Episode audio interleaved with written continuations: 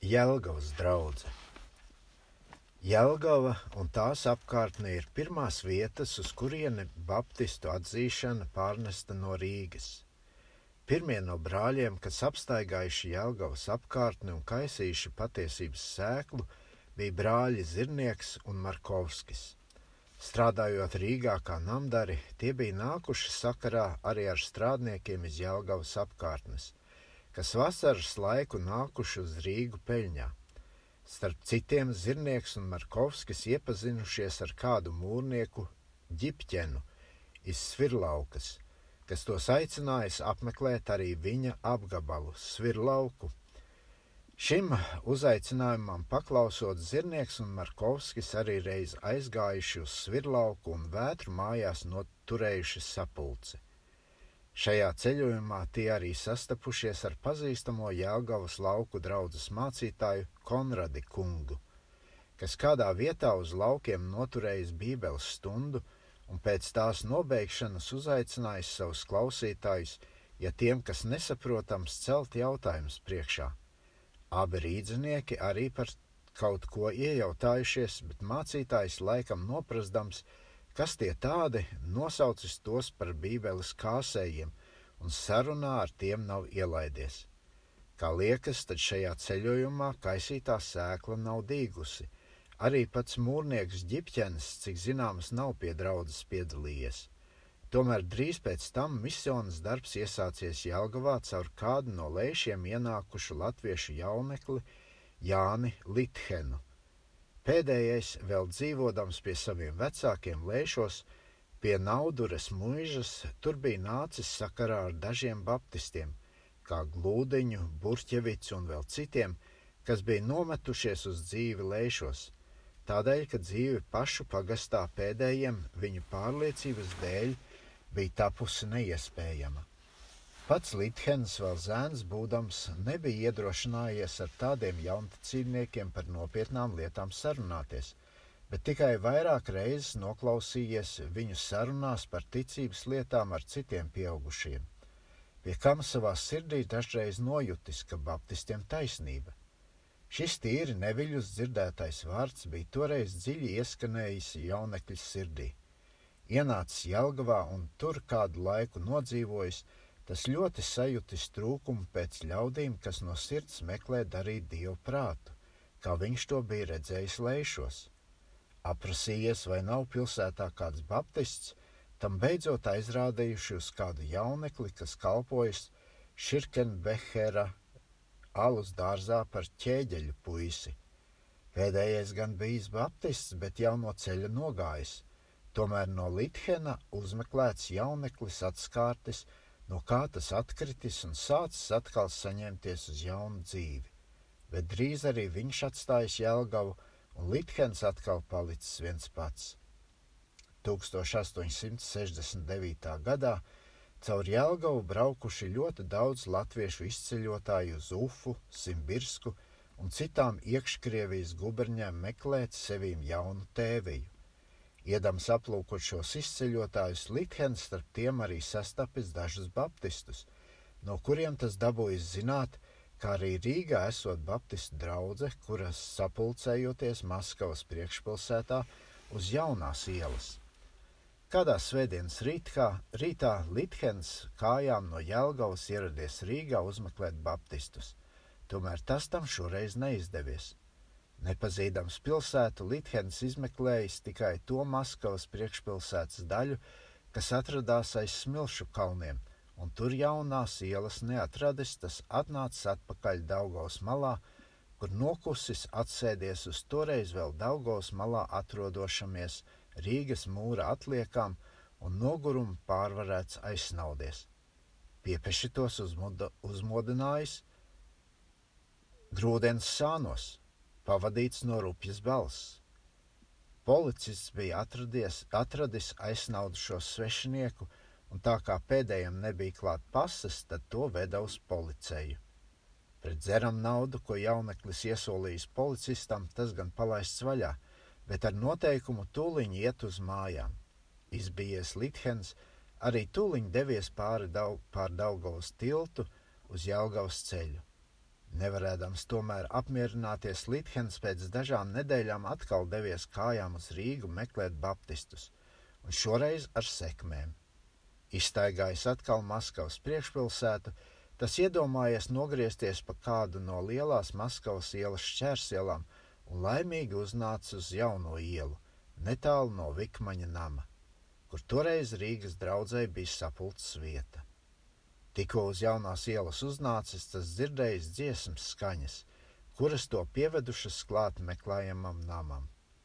Dievvvārdi bijuši jau nobeigti, bet brāļi un māsas pēc tā laika paraduma vēl palikuši kopā padziedāt un parunāt. Noklausījušies ienācēju stāstu, sapulcējušies bijuši ļoti iepriecināti, kā arī Jēlgavā ir dvēseles, kas meklē un slāpst pēc patiesības. No tā laika Rīgas draudzene šad un tad sūtījusi brāļus uz Jelgavu, kas Lithenu vecāku dzīvoklī noturējuši sapulces. Šīs pirmās sapulces notikušas uz lielās un kanāla ielas stūra, stūra kādā vīnūža blakus telpās. Pēc kāda laika šīs sapulces pārvietotas uz ezera ielas. Jānis Lithens pats drīz pārcēlies uz Rīgu, kur tas arī piedalījies pie draudzes. Tomēr arī pēc tam sapulces Lithenu dzīvoklī Jelgavā turpinātas.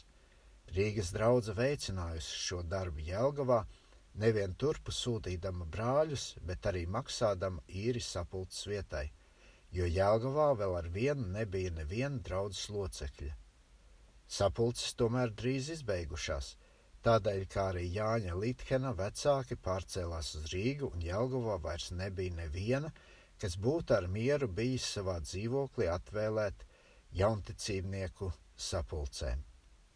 Par šīm sapulcēm arī dabūjis zināt Jālgavas Annas baznīcas mācītājs un turējis par vajadzīgu biedināt savu draugu no, šī, no šo bībeles sijātāju sajiešanām.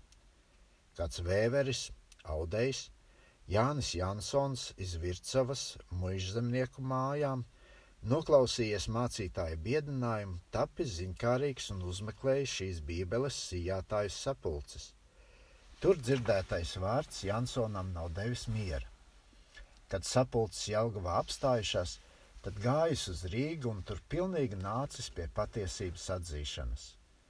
1874. gadā 1. aprīlī Jansons kristīts Dinamindē pie Jēkaba Iņķa. Vēveris Jansons – bijis savā apkārtnē dedzīgs patiesības apliecinātājs. Svētdienām tas turējis muiz zemniekos dievvvārdus, uz kuriem pulcējušies daudz klausītāju. Rīgas draugi atkal ar prieku pabalstīja misijas darbu Vircevā, aizsūtot tur evaņģēlijas strādniekus. Jaunticībnieku parādīšanās kroņa Vircevā ļoti uztraukusi apkārtni. Uz pirmām kristībām virsavā sabraukuši tik ārkārtīgi daudz ļaužu, ka tam dēļ vien nācies kristības atlikt un tās izdarīt tādā laikā, kad nav tik daudz ļaužu klāt. Līdz pat 1879. gada aprīlim Kroņa Vircevas ticīgo pulciņš noturēja savus dievvvārdus muizemniekos, kur tie kopās pa daļai paši un pa daļai tapa kopti no Rīgas un Bauskas. No Rīgas brāļiem virsavniekus apmeklēja Markovskis, Lithens un vēl daži no Bauskas Jankovskis. Kad 1879. gadā iznāca valdības pavēle, ka Baptistu draugu vadoņi savos amatos no valdības apstiprināmi, tad pār kroņa vircavas draudzīti tapa apstiprināts Rumbergs, kurš caur saviem palīgiem apkopa draudzīti.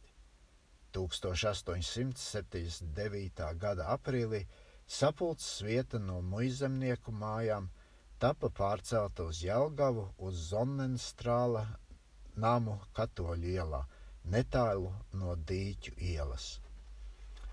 Pārnākot uz Jelgavu, Vircevas ticīgajo pulciņš skaitīja jau ap 60 locekļu.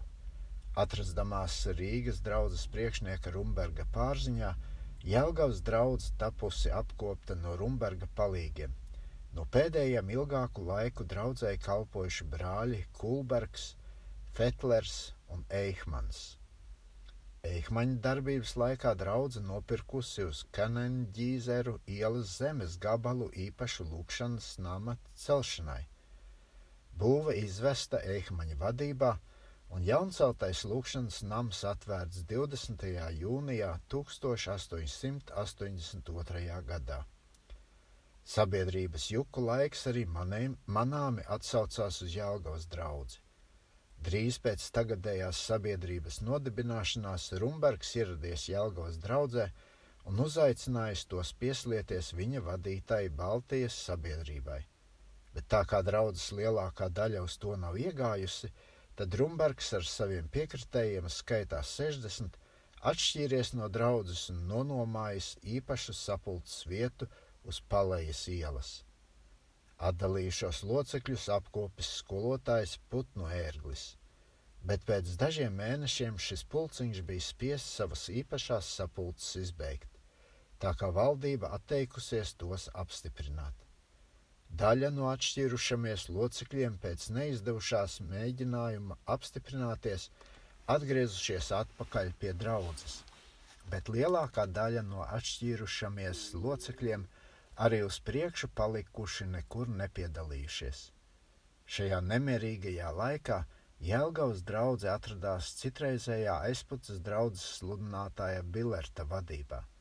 Tā tas gājis līdz 1889. gadam.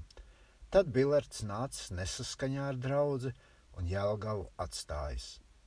Atrastamās bez priekšnieka Jēlgavas draudzē uz dažu vācu brāļu aizrādījumu uzaicināja par savu priekšnieku Ventspīlī dzīvojušu citreizējo Liepājas sākuma draudzes priekšnieku Mārtiņu Rīsu. Pēdējais, kā zināms, bija 1879. gadā no Liepājas pārcēlies uz Ventspili un tur veselus desmit gadus nodzīvojis kā grāmatu tirgonis, atturēdamies no visas atklātās darbības.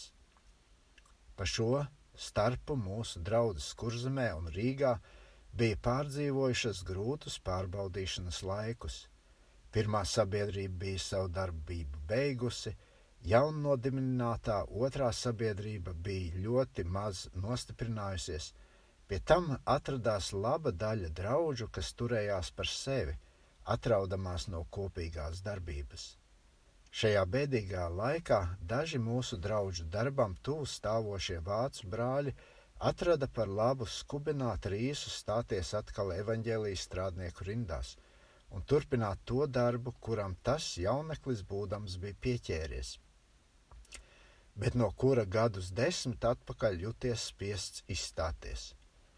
No vācu brāļiem iedrošināts un pabalstīts Rīs atstājis savu tirgoņa gaitu, pārcēlās uz Jelgavu un tapa par turienes draudzes priekšnieku. Viņa vadībā draudzē atradās līdz 1896. gadam. Rīsa darbības laikā gandrīz vai visi tie locekļi, kuri nemieru laikā bija no draudzes attālinājušies, atkal pieslējās draudzēji. Būdams Jālgavas draudzes priekšnieks, Rīs bieži vien apceļoja draudzītes Baltijā un Iekškrievijā, lai stiprinātu draugu savstarpīgās saites un pulcinātu par sevi stāvošās draudzes, ap pastāvošo tā saukto unijas sabiedrību. Šis darbs Rīsam arī labāk bija iespējams nekā kaut kuram citam, tā kā viņš juku laikos, nebūdams aktīvo strādnieku rindā, nebija savstarpīgās cīņās iejaucies. Rūpes par draudzes un sabiedrības darbiem, kā arī daudzās ceļošanās, sagrauza Rīsa veselību. Tas sāka slimot ar diloni – un 1896. gadā 13. maijā slēdza acis uz mūžību. Kā draudzes locekļiem, tā arī saviem darba biedriem Rīrs, Rīs atstājis labākās atmiņas. Viņu atmin kā vīru, kam draudzes darbs stāvējis augstāk nekā personīgs labums. Pēc Rīsa nāves Jelgavas draudzē apmēram gada laiku tapa apkopta no Rīgas draugu sludinātājiem Freja, Inķa un Evarta. Līdz ar 1897. gadu draudzē izredzēja sev par priekšnieku evaņģēliskās misijas dienestā stāvošo ceļojošu sludinātāju Aleksandru Kļaviņu. Viņa vadībā draudze atradās līdz 1900. gadam. Lai gan draudzes vadīšana taisna nebija Kļaviņa stiprā puse, tomēr viņa darbības laiks Jelgavas draudzē nosaucams par svētīgu, jo tas nodevās draudzes darbam. Kļaviņš bija pēdējais no mūsu draugu strādniekiem, kas savas pārliecības labad dabūjis paciest cietumu un saites. Būdams ceļojošs evaņģēlists, tas bija arī starp citu strādājis starp iekškrievijā dzīvojošiem pareizticīgiem latviešiem. Šās darbības dēļ Kļaviņš tapa notiesāts uz divu mēnešu ilgu cietuma sodu, kuru tas dabūja izciest, būdams Jelgavas draudzēji par priekšnieku. Pēc izciestā cietuma soda guberņas valde Kļaviņam vairs neatvēlēja turpmāk palikt draudzes priekšnieka amatā. Būdams no valdības savā darbībā iešaurots, Kļaviņš atrada par labāku atstāt dzimteni un pārcelties uz Brazīliju, lai tur netraucēti varētu strādāt evaņģēlīju darbu. Pēc Kļaviņa aizceļošanas draudzes priekšnieka amatu Jelgavas draudzē uzņēmās aizputes draudzes sludinātājs Hermans Redins. Viņa darbības laikā nodibinājās sapulces vieta arī Dobeles miestiņā. 1907. gadā Redins atstāja draugu Fetlera pārziņā un pats aizceļoja uz Ziemeļameriku. Līdz ar 1908. gadu Jelgavas drauga par savu priekšnieku izvēlēja Gulbenes Gulbenas un Gramzas draugu priek, priekšnieku Pēteri Laubertu, kura vadībā draudzene tagad rīkojas uz jauna lūkšanas nama būvi. Tagad Jēlgavas draudzēs skaita 164 locekļus. Dinamindes draudzene. Gadus piecus pēc draudzes nodibināšanas Rīgā patiesības sēkla uzdīga arī Dinamindes tagadējās Daugaugrīvas miestiņā, kas atrodas pie Daugavas grīvas cietokšņa. Uz upes kreisā krasta verstes 18 atstatus no Rīgas. 1872. gada vasarā seši Rīgā dzīvojuši draudzes locekļi pēc amata namdari – saņēmuši dinamindē darbu. Rīgā pašlaik ar darbu bijis tā paknapi, bet dinamindas cietoksnī tanī vasarā tapušas celtas vairākas kroņa ēkas. Šo brāļu vārdi bija Jānis Lithens, Andrejs Smildziņš, Andrejs Fetlers, Jānis Ērungs, Jukums Redins un Jēkabs Rumbergs. Strādājot visiem kopā, No darba vedēja tiem piedalīts par palīgu kāds dinamidietis, Grauzes vārdā. Pēdējais bijis satiksmē ar saviem darba biedriem rīdziniekiem ļoti bailīgs, jo bija dzirdējis, ka rīdzinieki vispār gan esot veikli strādnieki, bet toties lieli uzdzīvotāji, un ja gadoties kādam ar tiem kopā strādāt, tad bez iedzeršanas un izmaksāšanas vaļā netiekot.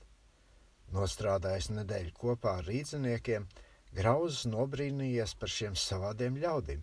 Strādā augu dienu, bet no kādas iedzeršanas ne jausmas. Arī biedrus tie neaizskar, strādājot tikai šad tad zem sevis klusām dzied pa kādai dziesmas meldijai. Par saviem savādiem darbbiedriem Grauzis stāstījis savai sievai, tā arī izbrīnējusies – un teikusi vīram, lai taču raugot ar saviem darba biedriem tuvāk ierunāties.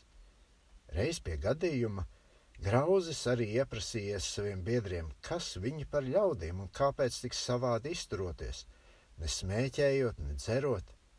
Pēdējo at, pēdējie atbildējuši, kā tādas lietas tie atmetuši, jo tiem, kas dievu mīlē, tādas lietas vairs nepieklājoties.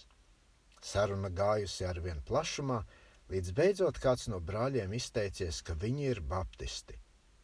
Sievas paskubināts grauzes uzaicinājis savus darba biedrus uz kādu svētdienas vakaru savā namā.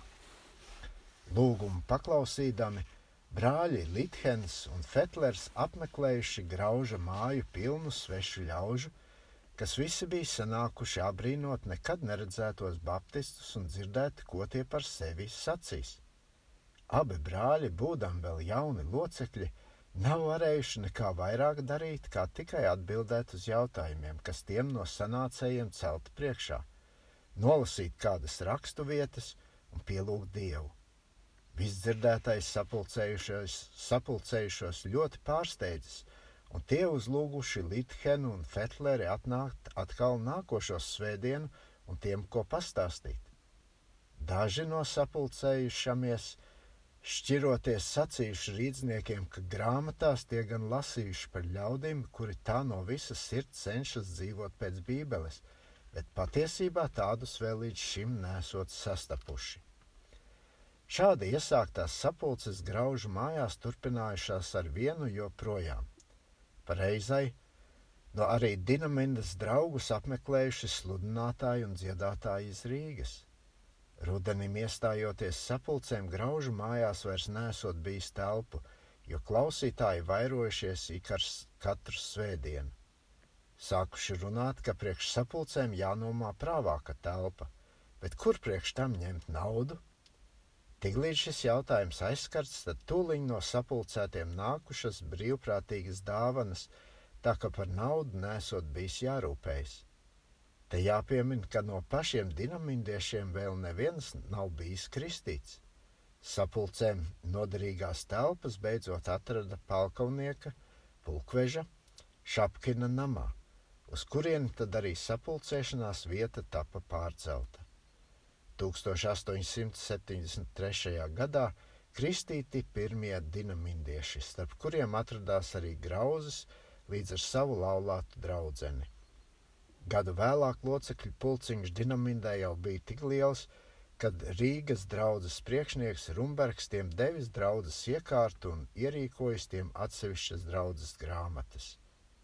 No tā laika Dinamindas ticīgo pulciņš bija stacija, pie Rīgas draudzes un kārtoja savas lietas Rīgas draudzes priekšnieka Rumberga vadībā. Dinamindas draudzītei kalpojuši daudzi sludinātāji. Tas laikam tāpēc, ka draudzītei nebija tik daudz spējas, kā uzturēt pastāvīgu algotu strādnieku, un tai bija jāapmierinājās ar vienu un otru no brāļiem, kam apstākļi atļāva uz kādu laiciņu dinamindē nomesties un kopt turienes ticīgo jo pulciņu. Pirmais no sludinātājiem, kas dinamindē nostrādājis cik necik ilgāku laiku, bija vēlākais Ventspils draudzes priekšnieks Neibuks.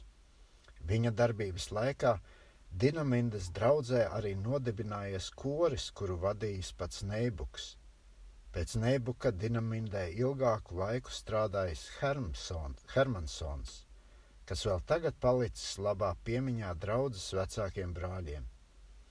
Pēc Hermansona šis strādājis kādu laiku Fetlers. Līdz ar 1880. gada sākumu Dinaminde stājas, Dinaminde stājas pilnīgā Rīgas draudzes aizgādībā un tiek kopta no Rumberga palīga sludinātājiem - Eihmaņa, Kulberga, Ģibieša un citiem.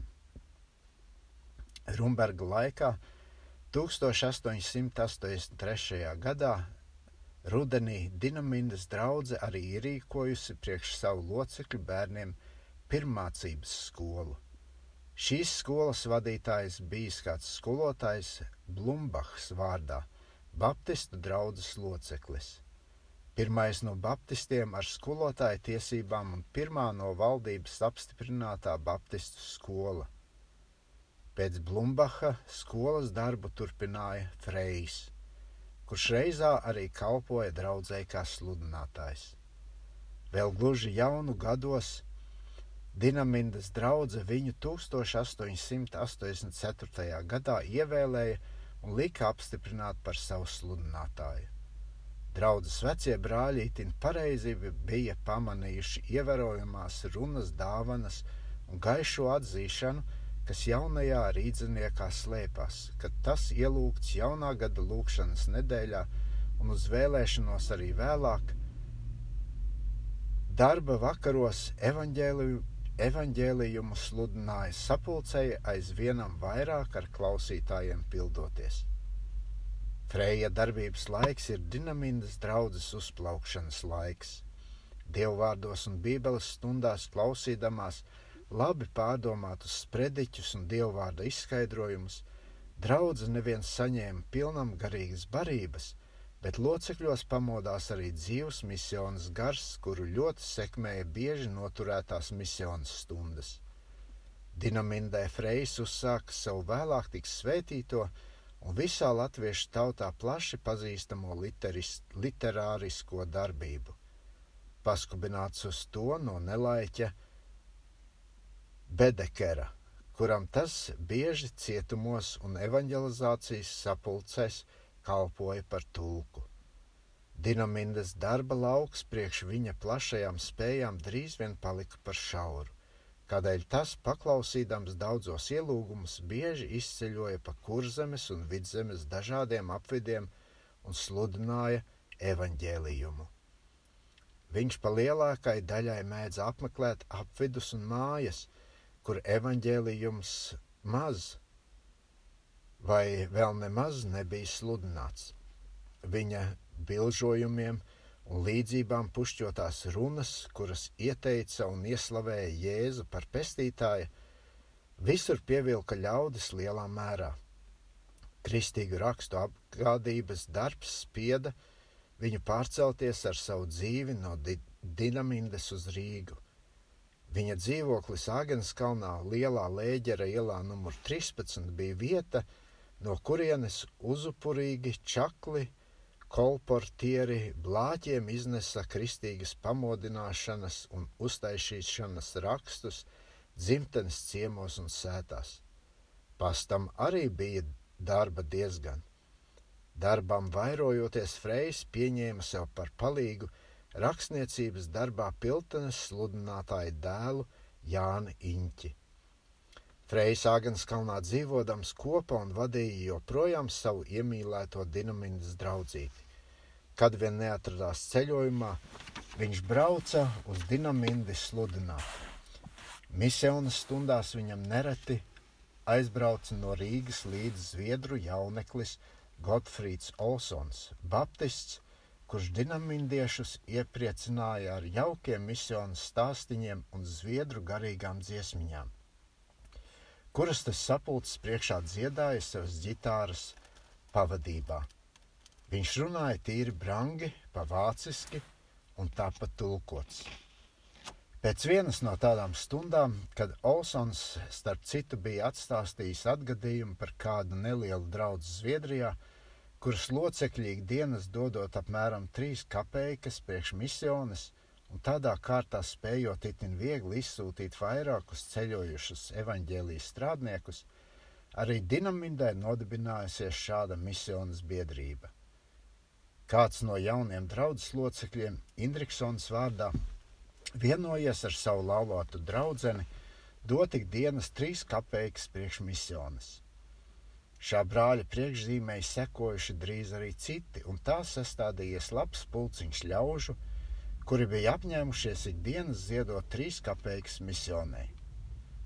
Šo misijas pabalstītāju sarakstu mazā burtnīciņā līdz ar salikto naudu minētais brālis nodevis draudzes priekšniekam Frejam, kuram bija rūpēties par evaņģēlista izsūtīšanu. No šī mazā apsākuma Freja vadībā izcēlās misijas biedrība, tā sauktā evaņģēliskā misione kuras savā laikā bija par lielu svētību mūsu draugu misionē, kā Baltijā, tā latviešu kolonijās iekškrievijā. Freja darbības laikā Dienamendas draudzene uzcēla 1889. gadā īpašu lūkšanas namu.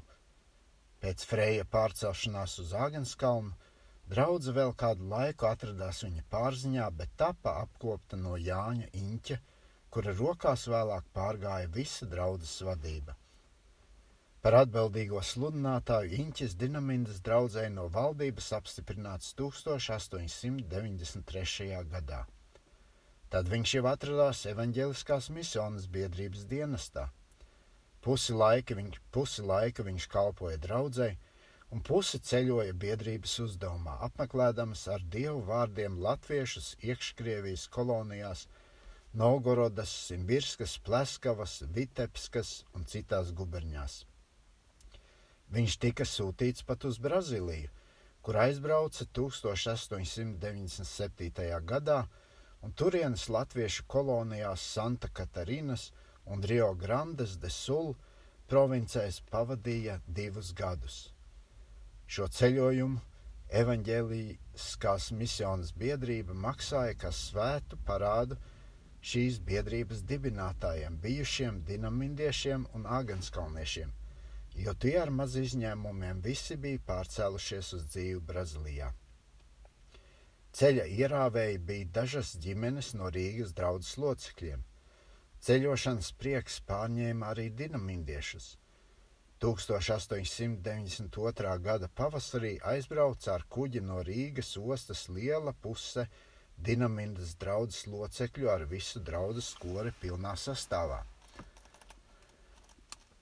Aizbrauca uz kuģa deķa dziedādāmi kora vadonim brālim mačam taktējot. Nākošā svētdienā lūkšanas namā kora sēdekļi atradās gluži tukši – un no 70 locekļu draudzes bija tikko trešā daļa vairs atlikusies. Dievs svētīja turpmāko darbu Iņķa vadībā. Nākamā ziemā daudzi tapa kristīti, nodibinājās jauns dziedātāju koris. Mazā draudzīte rādīja tik uzņēmīgu garu, ka nodibināja pat nedēļas skolu. Par skolotāju atnāca sludinātāja brālēns Kārlis Iņķis. Tas arī uzņēmās kora vadīšanu. Svētkus rīkoja, jaunību kopa, sapulces bija alažiņi piepildītas. Locekļi satikās sirsnīgi un strādāja čakli priekš dievu valstības. Skolas ziņā it sevišķi uzupērējās Lasmaņa ģimene. Tā tas turpinājās līdz Inķa izceļošanai uz Brazīliju, ar ko reizē arī apstājās skola jo skolotājs aizceļoja uz Pēterburgu, iestādāmies turienes mūzikas konservatorijā. Inķis no Brazīlijas pārnācis pieņēma Rīgas draudzes uzaicinājumu par sludinātāju un apmetās uz dzīvi Rīgā. Viņa atbildība par Dienamendas draugu valdības priekšā vēl pastāv šodien, bet draudzes apkopšana ir atradušies dažādās rokās. Dinamindē pēdējos gadus cits pakaļ citam ir strādājuši, strādājuši sekojoši brāļi - Jansons, Altmans, Krauls, Eihmanis, Krūmiņš no Vaņodas, un tagad jubilejas gadā draudzēji kalpo Bilerts. Dinamindē uz dzīvi nometies. Locekļu skaits ir ap 70. Pāri par šo skaitu draudz nav varējusi tikt jo locekļi pastāvīgi izceļo.